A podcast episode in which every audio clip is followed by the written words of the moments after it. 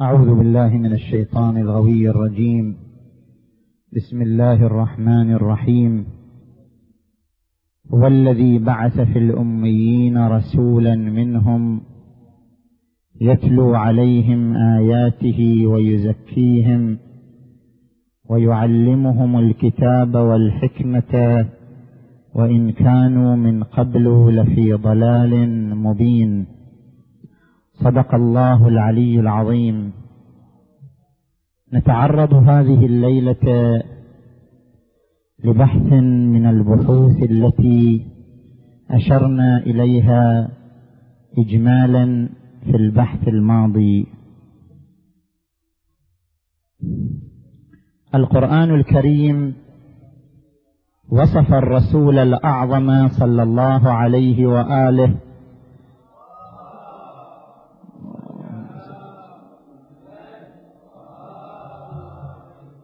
بوصف الرسالة. قال هو الذي بعث في الأميين رسولا منهم. ثم تحدث عن الركائز والعناصر التي يعتمد عليها عنوان الرسالة ويعتمد عليها مفهوم الرسالة.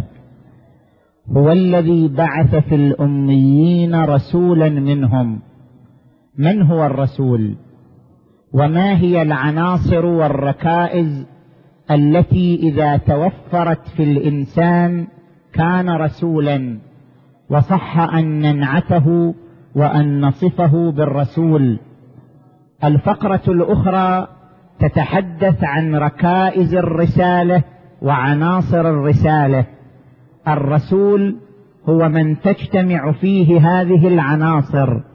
الرسول هو من يتوفر على هذه الركائز.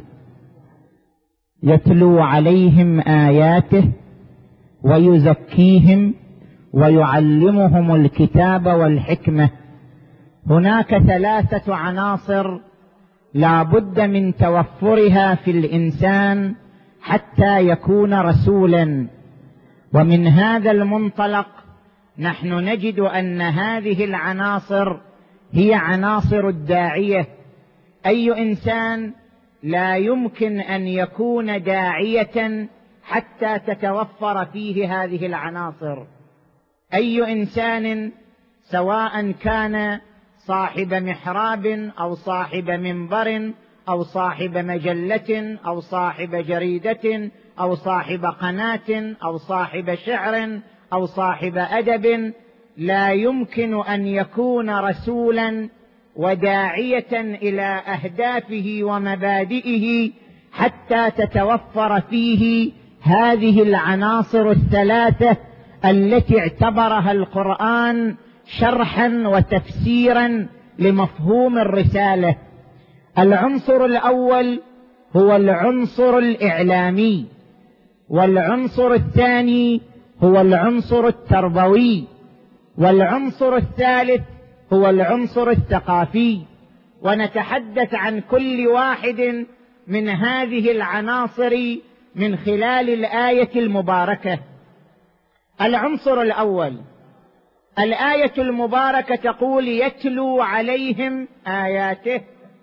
هذه العبارة تشير إلى العنصر الإعلامي الذي لا بد أن يتوفر في الإنسان حتى يكون داعية حتى يكون مبلغا حتى يكون انسانا صاحب أهداف وصاحب غايات نبيلة يريد تحقيقها ويريد تجسيدها على مساحة الأرض. العنصر الإعلامي هو الذي عبر عنه القرآن بقوله يتلو عليهم آياته. لماذا؟ ما هي علاقة هذه الفقرة بالعنصر الإعلامي؟ نريد أن نشير هنا يا إخوان إلى أننا كما نحتاج للإعلام فإننا نحتاج إلى العنصر الشكلي في الإعلام.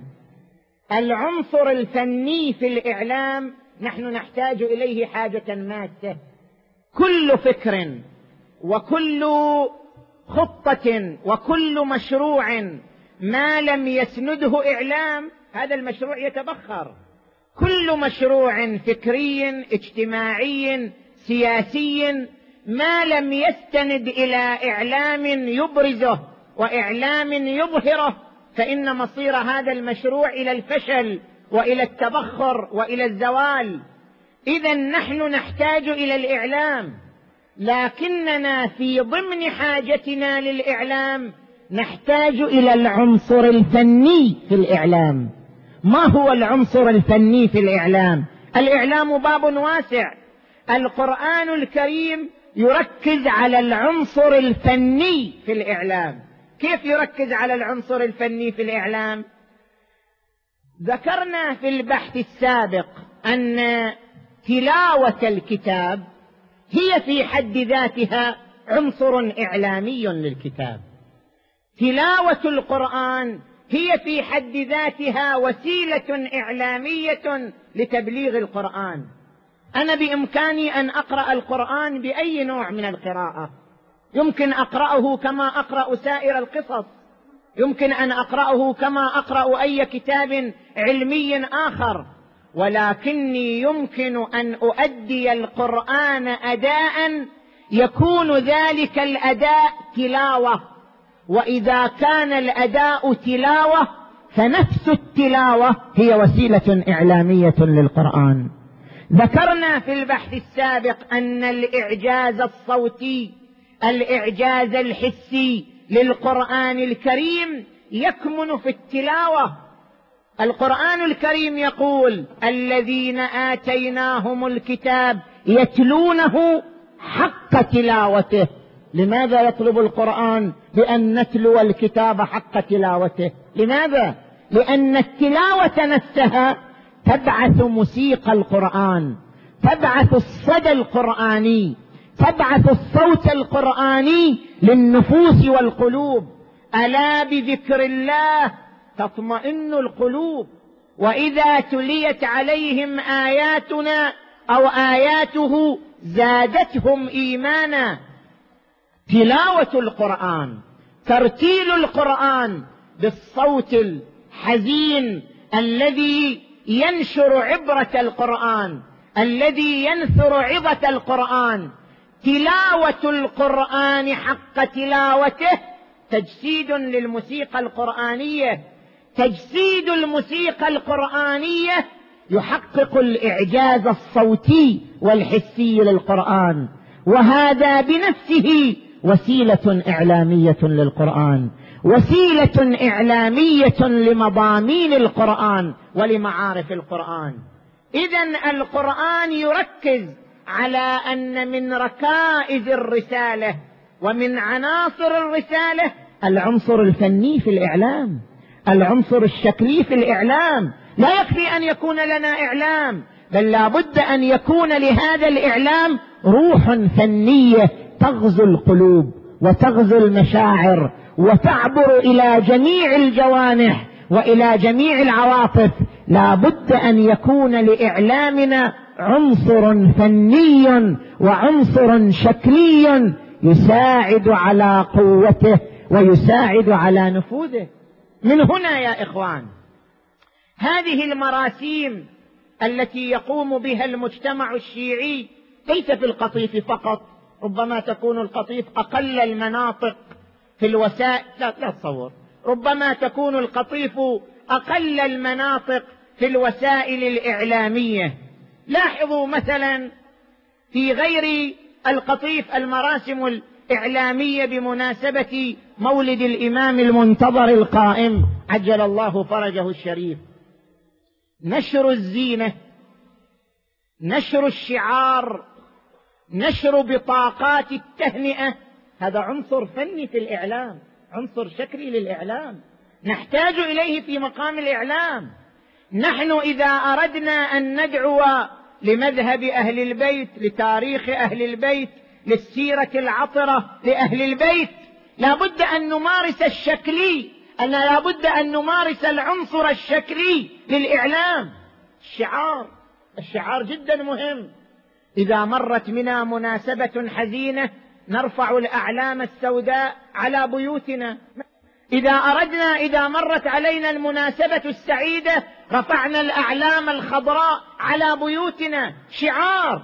هذا الشعار عنصر فني في جانب الإعلام وهذا العنصر الفني الشكلي له تأثير كبير على نفوس أجيالنا وأجيال أجيالنا.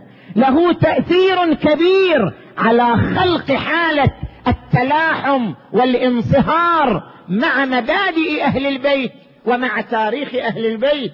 رفع الشعار على منازلنا بحسب المناسبات التي تمر علينا تأكيد على العنصر الشكلي في الجانب الإعلامي. لاحظوا الآن مثلا قضية الفن. لماذا لا نربي أطفالنا على الفن؟ في ماذا؟ في مسرحية كربلاء. نربي أطفالنا على الرسم. أن يرسموا صور كربلاء أن يرسموا صور معركة بدر أن يرسموا صور معركة خيبر. معركة خيبر أصبحت رمزا للأمة العربية والإسلامية في جهادها مقابلة اليهود ومقابل الكفار. لماذا لا نربي أطفالنا على الالتحام بهذه المعركة معركة خيبر من خلال رسمها؟ من خلال تشكيل صورها. لماذا لا نربي أطفالنا على رسم معركة كربلاء من خلال ألوانها المختلفة التي تبعث البطولة والتضحية والصبر والفداء في نفوس أجيالنا؟ اذا بالنتيجة العنصر الشكلي في جانب الإعلام عنصر مهم للرسالة. وعنصر مهم للدعوة. لذلك أكد القرآن الكريم على أن من عناصر شخصية النبي محمد.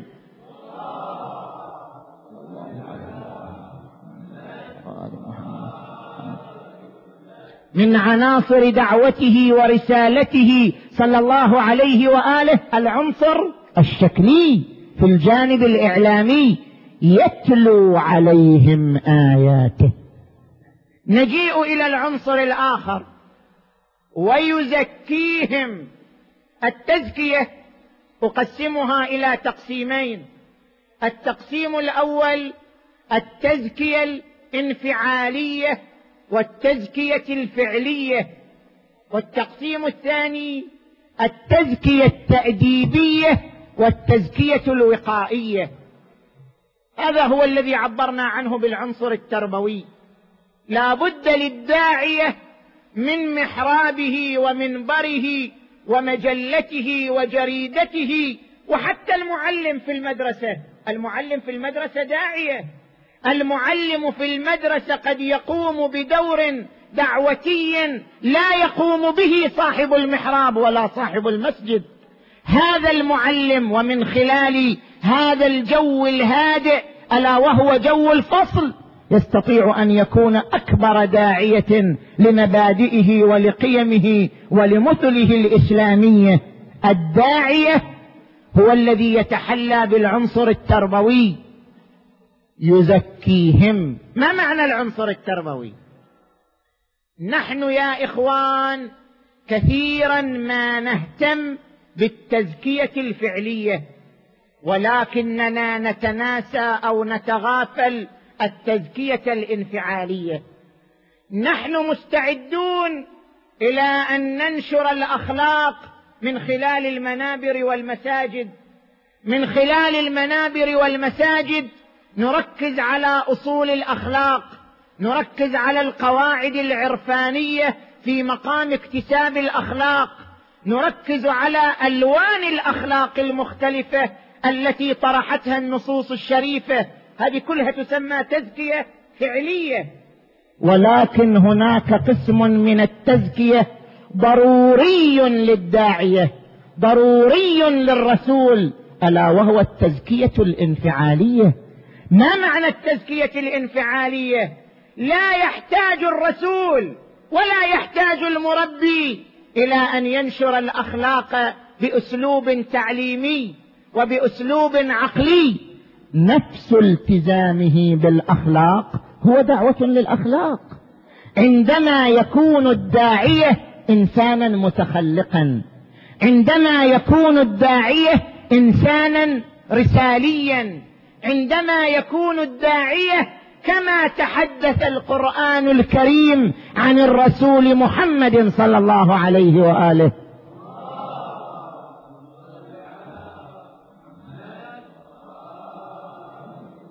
لقد جاءكم رسول من أنفسكم عزيز عليه ما عنتم حريص عليكم بالمؤمنين رؤوف رحيم ويقول القرآن عنه واخفض جناحك لمن اتبعك من المؤمنين. ويقول القرآن عنه وإنك لعلى خلق عظيم. ويقول القرآن عنه فبما رحمة من الله لنت لهم ولو كنت فظا غليظ القلب لانفضوا من حولك. اذا نفس تحلي الرسول بالخلق بالتواضع بالرأفة بالرحمة بلين الجانب بخفض الجناح. تحلي الرسول بالفضائل والمناقب هو بنفسه يزرع التزكية في نفوس الأمة. إذا رؤي الرسول متحليا بالفضائل والمناقب إذا رؤي صاحب المحراب وصاحب المنبر والمعلم في الفصل متحليا بالفضائل الأخلاقية والمناقب الروحية نفس هذا التحلي هو تزكية لكن تزكية انفعالية وليس تزكية فعلية. تنفعل الناس بهذه الأخلاق إذا رأتها متجسده متمثلة في شخصية هذه الداعية. فالمهم كما علينا أن نركز على التزكية الفعلية فعلينا ان لا نتناسى وان لا نتغافل عن التزكية الانفعالية فإنها عنصر ضروري في مقام التزكية. نحن كثيرا ما نركز على ماذا؟ على التزكية التأديبية. الناس يوجد عندهم انحلال خلقي. قطيعة الرحم عند الناس موجودة. عقوق الوالدين عند الناس موجود. زين؟ عدم احترام الآباء عدم احترام الأصدقاء عدم احترام الإخوان وما أشبه ذلك من الأمراض الخلقية المنتشرة في المجتمعات الإسلامية. لماذا أسلوبنا دائما أسلوب التأديب والهجوم؟ أيها الناس لا تعقوا آباءكم لا تقطعوا أرحامكم لا تهملوا أخلاقكم لا تهملوا أصدقاءكم. دائما أسلوبنا أسلوب التأديب والردع. لم لا تكون أساليبنا في مقام التزكية مبنية على التزكية الوقائية لا التزكية التأديبية. والتزكية الوقائية هي عبارة عن أن ندرس هذه الأمراض الخلقية المنتشرة في مجتمعاتنا. إلى متى الحديث؟ لا بد أن ننتقل إلى مرحلة الدراسة. كثير من مجالسنا إذا جلسناها نملأها حديثا وضجيجا عن الانحرافات والمشاكل الخلقية والخلافات والقضايا الأسرية والاجتماعية. بدل هذا الضجيج وبدل هذا الحديث الكثير من منا مستعد لأن يكتب دراسة حول بعض الأمراض الخلقية المنتشرة في مجتمعاتنا. كتابة موضوعية يبحث عن أسبابها يبحث عن ظواهرها يبحثها بحثا ميدانيا موثقا. من منا ينتقل من مجال الحديث إلى مجال الكتابة إلى مجال الدراسة إلى مجال التحليل؟ نحن نحتاج إلى الدراسات. لا يمكننا الوقاية من هذه الأمراض ولا يمكننا معالجتها إلا عبر دراسات دراسات نفسية ودراسات اجتماعية تبحث عن هذه المشاكل والانحرافات الخلقية بحثا تحليليا ميدانيا وإلا فلا جدوى في مجرد الحديث والتكلم عن هذه الأمراض المختلفة. اذا نحن نحتاج إلى التزكية انفعاليه كما نحتاج إلى التزكية الفعلية ونحتاج إلى التزكية الوقائية كما نحتاج إلى التزكية التأديبية والردعية. نجي إلى العنصر الثالث. العنصر الثالث ألا وهو العنصر الثقافي. العنصر الثقافي عبر عنه القرآن الكريم بقوله يعلمهم الكتاب والحكمة. هذا هو العنصر الثقافي الذي لا بد أن يتحلى به الداعية ولا بد أن يتوفر في الإنسان حتى يكون رسولا يعلمهم الكتاب والحكمة. الآن ما أريد أتحدث عن الحكمه لأن هذا بحث طويل. أقتصر على تعليم الكتاب. العنصر الثقافي هو عبارة عن تعليم الكتاب. ذكر السيد المقدس السيد الصدر قدس سره أن تفسير القرآن على نحوين التفسير الموضوعي والتفسير التجزيئي وهناك بحوث تسمى بالمدرسة القرآنية. للسيد الصدر قدس سره تحدثت عن هذين القسمين من التفسير التفسير الموضوعي والتفسير التجزيئي. أنا لا أكرر ما يقوله العلماء الآخرون.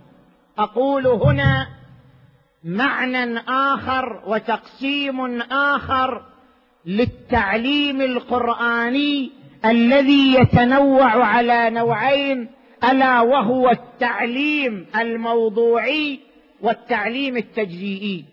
ماذا نقصد بهذا التعليم والذي لا بد أن نلتفت إليه؟ هذا التعليم الذي ينقسم إلى قسمين تعليم موضوعي وتعليم تجزيئي. هو ينطلق من الآية المباركة. هو الذي أنزل الكتاب. منه آيات محكمات. هن أم الكتاب وأخر متشابهات. فأما الذين في قلوبهم زيغ فيتبعون ما تشابه منه ابتغاء الفتنة وابتغاء تأويله وما يعلم تأويله إلا الله والراسخون في العلم. هذه الآية المباركة هذه الآية المباركة قسمت الآيات القرآنية إلى قسمين. أم الكتاب وفصول الكتاب. كيف أم الكتاب وفصول الكتاب؟ القرآن الكريم نفسه يتحدث عن نفسه. كتاب أحكمت آياته ثم فصلت. يعني أن القرآن يعيش نوعين من الآيات. آيات كبروية وآيات جزئية. نفس القرآن ينقسم إلى قسمين. كتاب أحكمت آياته ثم فصلت من لدن حكيم خبير. هذا القرآن يا إخوان إذا درسناه دراسة فوقية نظرنا إليه نظرة فوقية نجد هذا القرآن ينقسم إلى قسمين من الآيات. آيات تتضمن قواعد عامة تتضمن قوانين عامة تتضمن مبادئ عامة. وهناك قسم من الآيات تتحدث عن التفاصيل عن الطلاق عن البيع عن الربا عن الميراث عن التواضع عن الرأفة عن الرحمة. هذه آيات تفصيلية. قسم من الآيات آيات قانونية يعني تحمل قواعد عامة. تسمى بأم الكتاب. فيه آيات محكمات هن أم الكتاب. يعني هم مصدر التقنين والتقعيد. وقسم من الآيات لا تفاصيل جزئية كثيرة تعرضت لها الآيات القرآنية. التعليم الموضوعي للكتاب لا كما طرحه السيد الصدر. بل كما طرحه القرآن نفسه التعليم الموضوعي للكتاب التفسير الموضوعي للكتاب هو برد تفاصيله إلى قوانينه. يعني إذا أردت أن تفهم الكتاب فهما حقيقيا دقيقا عليك أن ترد الآيات المفصلة إلى الآيات المقننة والمقعدة. إذا أردت أن تفهم القرآن فهما مستوعبا عليك أن ترد التفاصيل القرآنية إلى المبادئ العامة والقواعد العامة في القرآن. من هنا نكون قد تعلمنا الكتاب تعلما موضوعيا. من هنا نكون قد فسرنا الكتاب تفسيرا موضوعيا. أما إذا نحن مشينا مع كل مقطوعة من القرآن كسوره البقرة. هذا لها تفسير. سورة الفاتحة لها تفسير. سورة ياسين لها تفسير.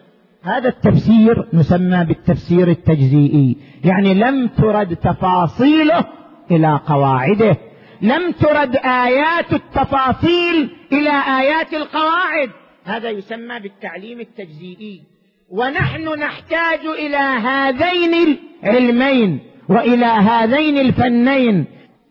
كما نحتاج إلى التعليم الموضوعي فإننا نحتاج إلى التعليم التجزيئي وقد مارس أهل البيت كلا هذين العلمين وكلا هذين الفنين فلا بد من إحاطة الداعية بهما كي يكون خبيرا في مقام تعليمهما. اللهم اجعلنا من السالكي لمسلكهم والسائر على خطاهم والمهتدي بهداهم. إنك أرحم الراحمين. وصلى الله على محمد وآله الطيبين الطاهرين.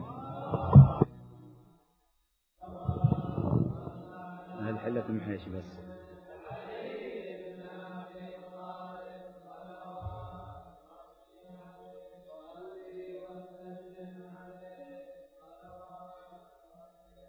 بسم الله الرحمن الرحيم. إن الله وملائكته يصلون على النبي.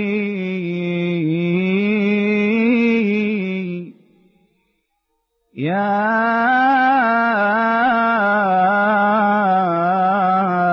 ايها الذين امنوا صلوا عليه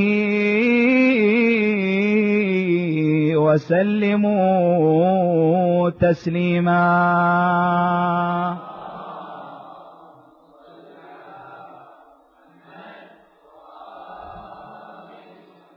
يا علة الإيجاد يا سر المهيمن يا محمد. اللهم صل على لولاك ما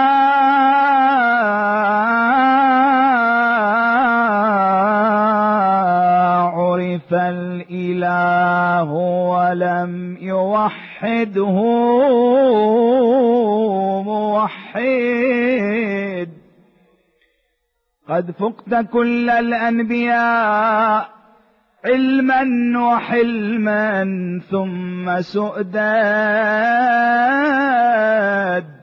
يا من له الخلق العظيم. وربنا في الذكر أكاد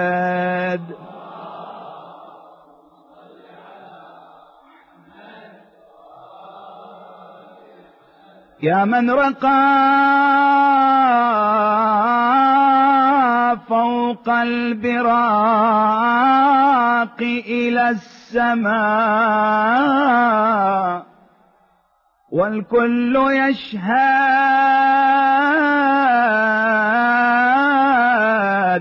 فأتى النداء من ذي الجلال بأن تدنى. يا ممجد أنت الحبيب.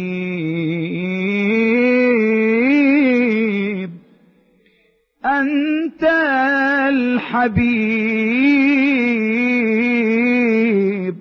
أنت الحبيب المصطفى ووصيك الهادي المسدد.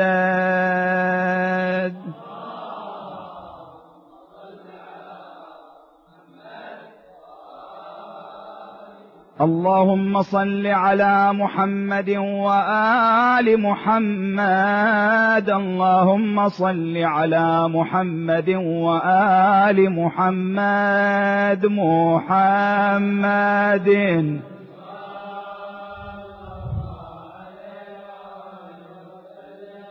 فلما حملت آمنة عليها السلام بالرسول صلى الله عليه وآله وأكمل لها من الحمل تسعة اشهر دخل عليها نزل عليها طير أبيض من السماء ومسح بجناحه عليها على بطنها فذهب ما كانت تجده من خوف أو وجاع.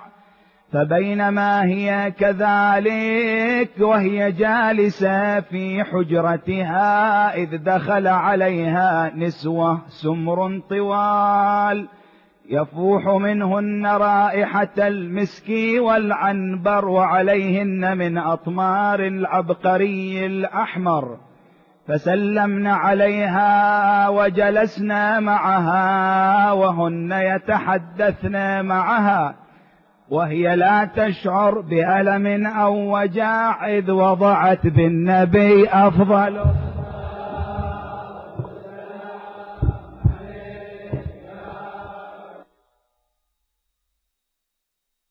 محمد محمد طلع البدر علينا من ثنيات الوداع وجب الشكر علينا.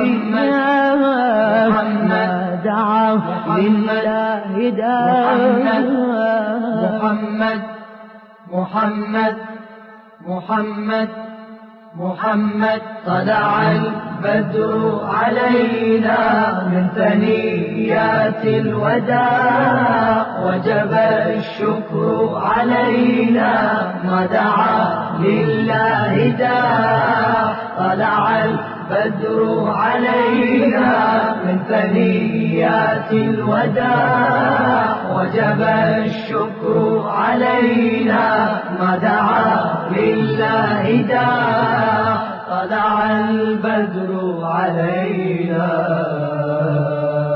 من ثنيات الوداع. وجب الشكر علينا ما دعا لله داع أيها المبعوث فينا جئت بالأمر المطاع. جئت شرفت العوالي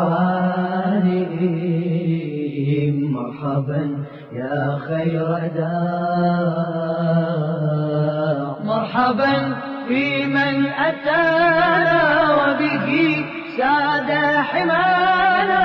مجده سر علانا.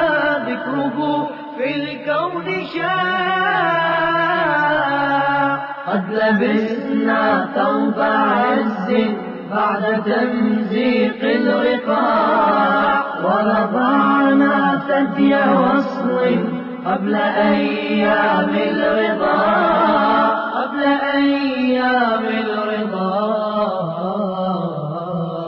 طلع البدر علينا من ثنيات الوداع. وجب الشكر علينا ما دعا لله داع. طلع البدر علينا من ثنيات الوداع. وجب الشكر علينا ما دعا لله داع.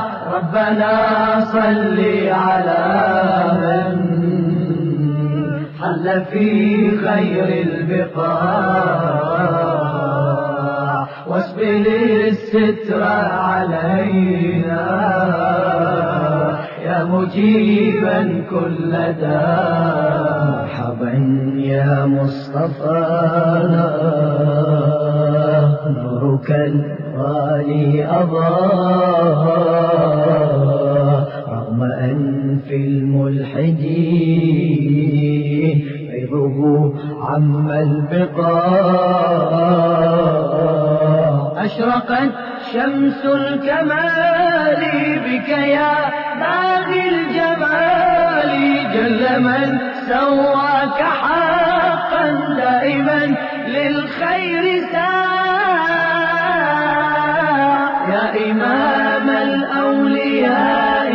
يا ختام الأنبياء. رحمة أرسلت طه منقذا بعد الضياع منقذا بعد الضياع طلع البدر علينا من ثنيات الوداع. وجب الشكر علينا ما دعا لله داع. طلع البدر علينا من ثنيات الوداع. وجب الشكر علينا ما دعا لله داع. صفوة الباري محمد ذرة للكائنات. مدحه بلسم روحي. وله يحلو السماء. لحما طيبة قلبي. زاد شوقا واشتعال. سائق الأضعان سربي نحو هاتيك البقاع. صلوات الله تودع لك مني والسلام يا أبا الزهراء باق دائما دون انقطاع. طلع البدر علينا من ثنيات الوداع وجب الشكر علينا. ما دعا. لله ما دعا. لله طلع البدر علينا من ثنيات الوداع. وجب الشكر علينا ما دعا لله داع. طلع البدر علينا من ثنيات الوداع. وجب الشكر علينا ما دعا لله داع. علي علي علي علي علي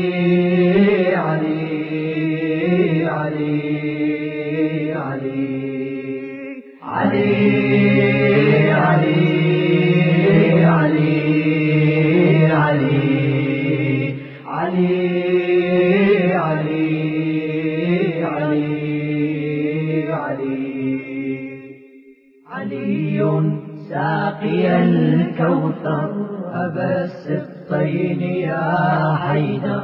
علي ساقي الكوثر أبا السبطين يا حيدر.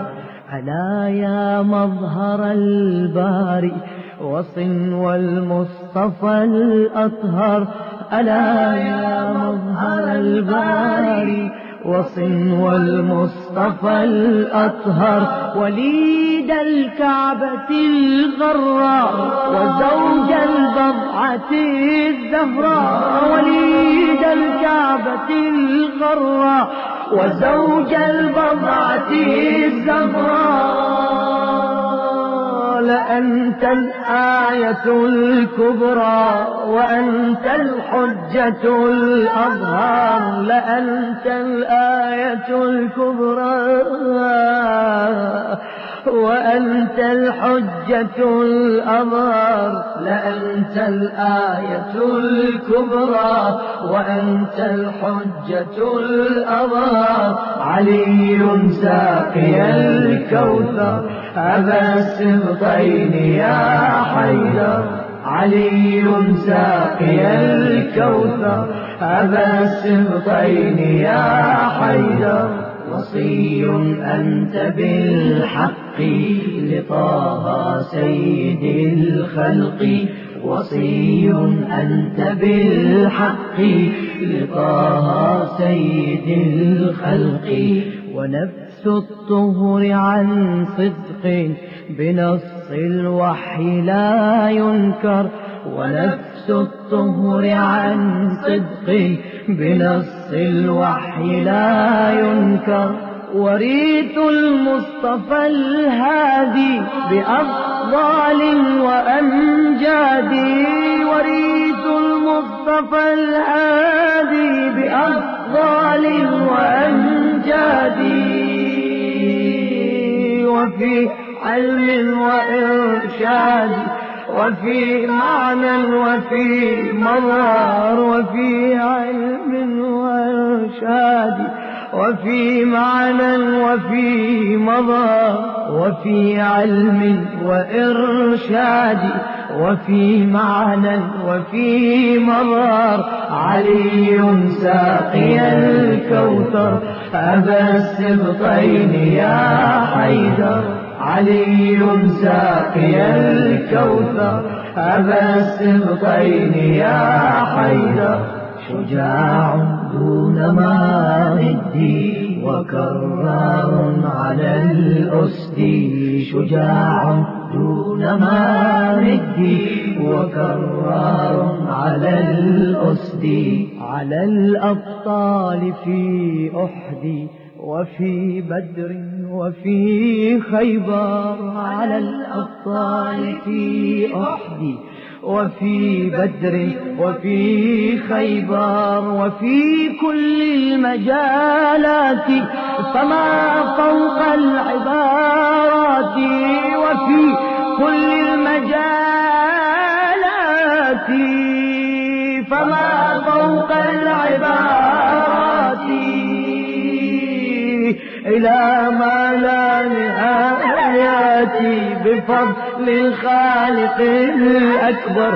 إلى ما لا نهايات بفضل الخالق الأكبر. إلى ما لا نهايات بفضل الخالق الأكبر. علي ساقي الكوثر أبا السبطين يا حيدر. علي ساقي الكوثر أبا السبطين يا حيدر. عظيم أنت في القدر فمن للوهم والفكر عظيم. أنت في القدر فمن للوهم والفكر. وعن أفضالك الكثر فلا تحصى ولا تحصر. وعن أفضالك الكثر فلا تحصى ولا تحصر. لقد تاغ الورى فيك وحاروا في معانيك. لقد تاغ الورى فيك وحاروا في معانيك. فجل الله بارك بما سوى وما صور فجل الله بارك بما سوى وما صور فجل الله باريك بما سوى وما صور علي ساقي الكوثر أبا السبطين يا حيدر. علي ساقي الكوثر أبا السبطين يا حيدر قسيم النار والجنة إمام الإنس والجنة قسيم النار والجنة إمام الإنس والجنة. لنا في حبك الجنة من النيران في المحشر لنا. في حبك الجنة من النيران في المحشر. خليفة سيد الرسل وللرحمن خير ولي. خليفة سيد الرسل وللرحمن خير ولي. أمير المؤمنين علي. أمير المؤمنين علي وشانئه هو الأبتر. أمير المؤمنين علي وشانئه هو الأبتر. أمير المؤمنين علي وشانئه هو الأبتر. علي ساقي الكوثر. أبا السبطين يا حيدر علي ساقي الكوثر. أبا السبطين يا حيدر.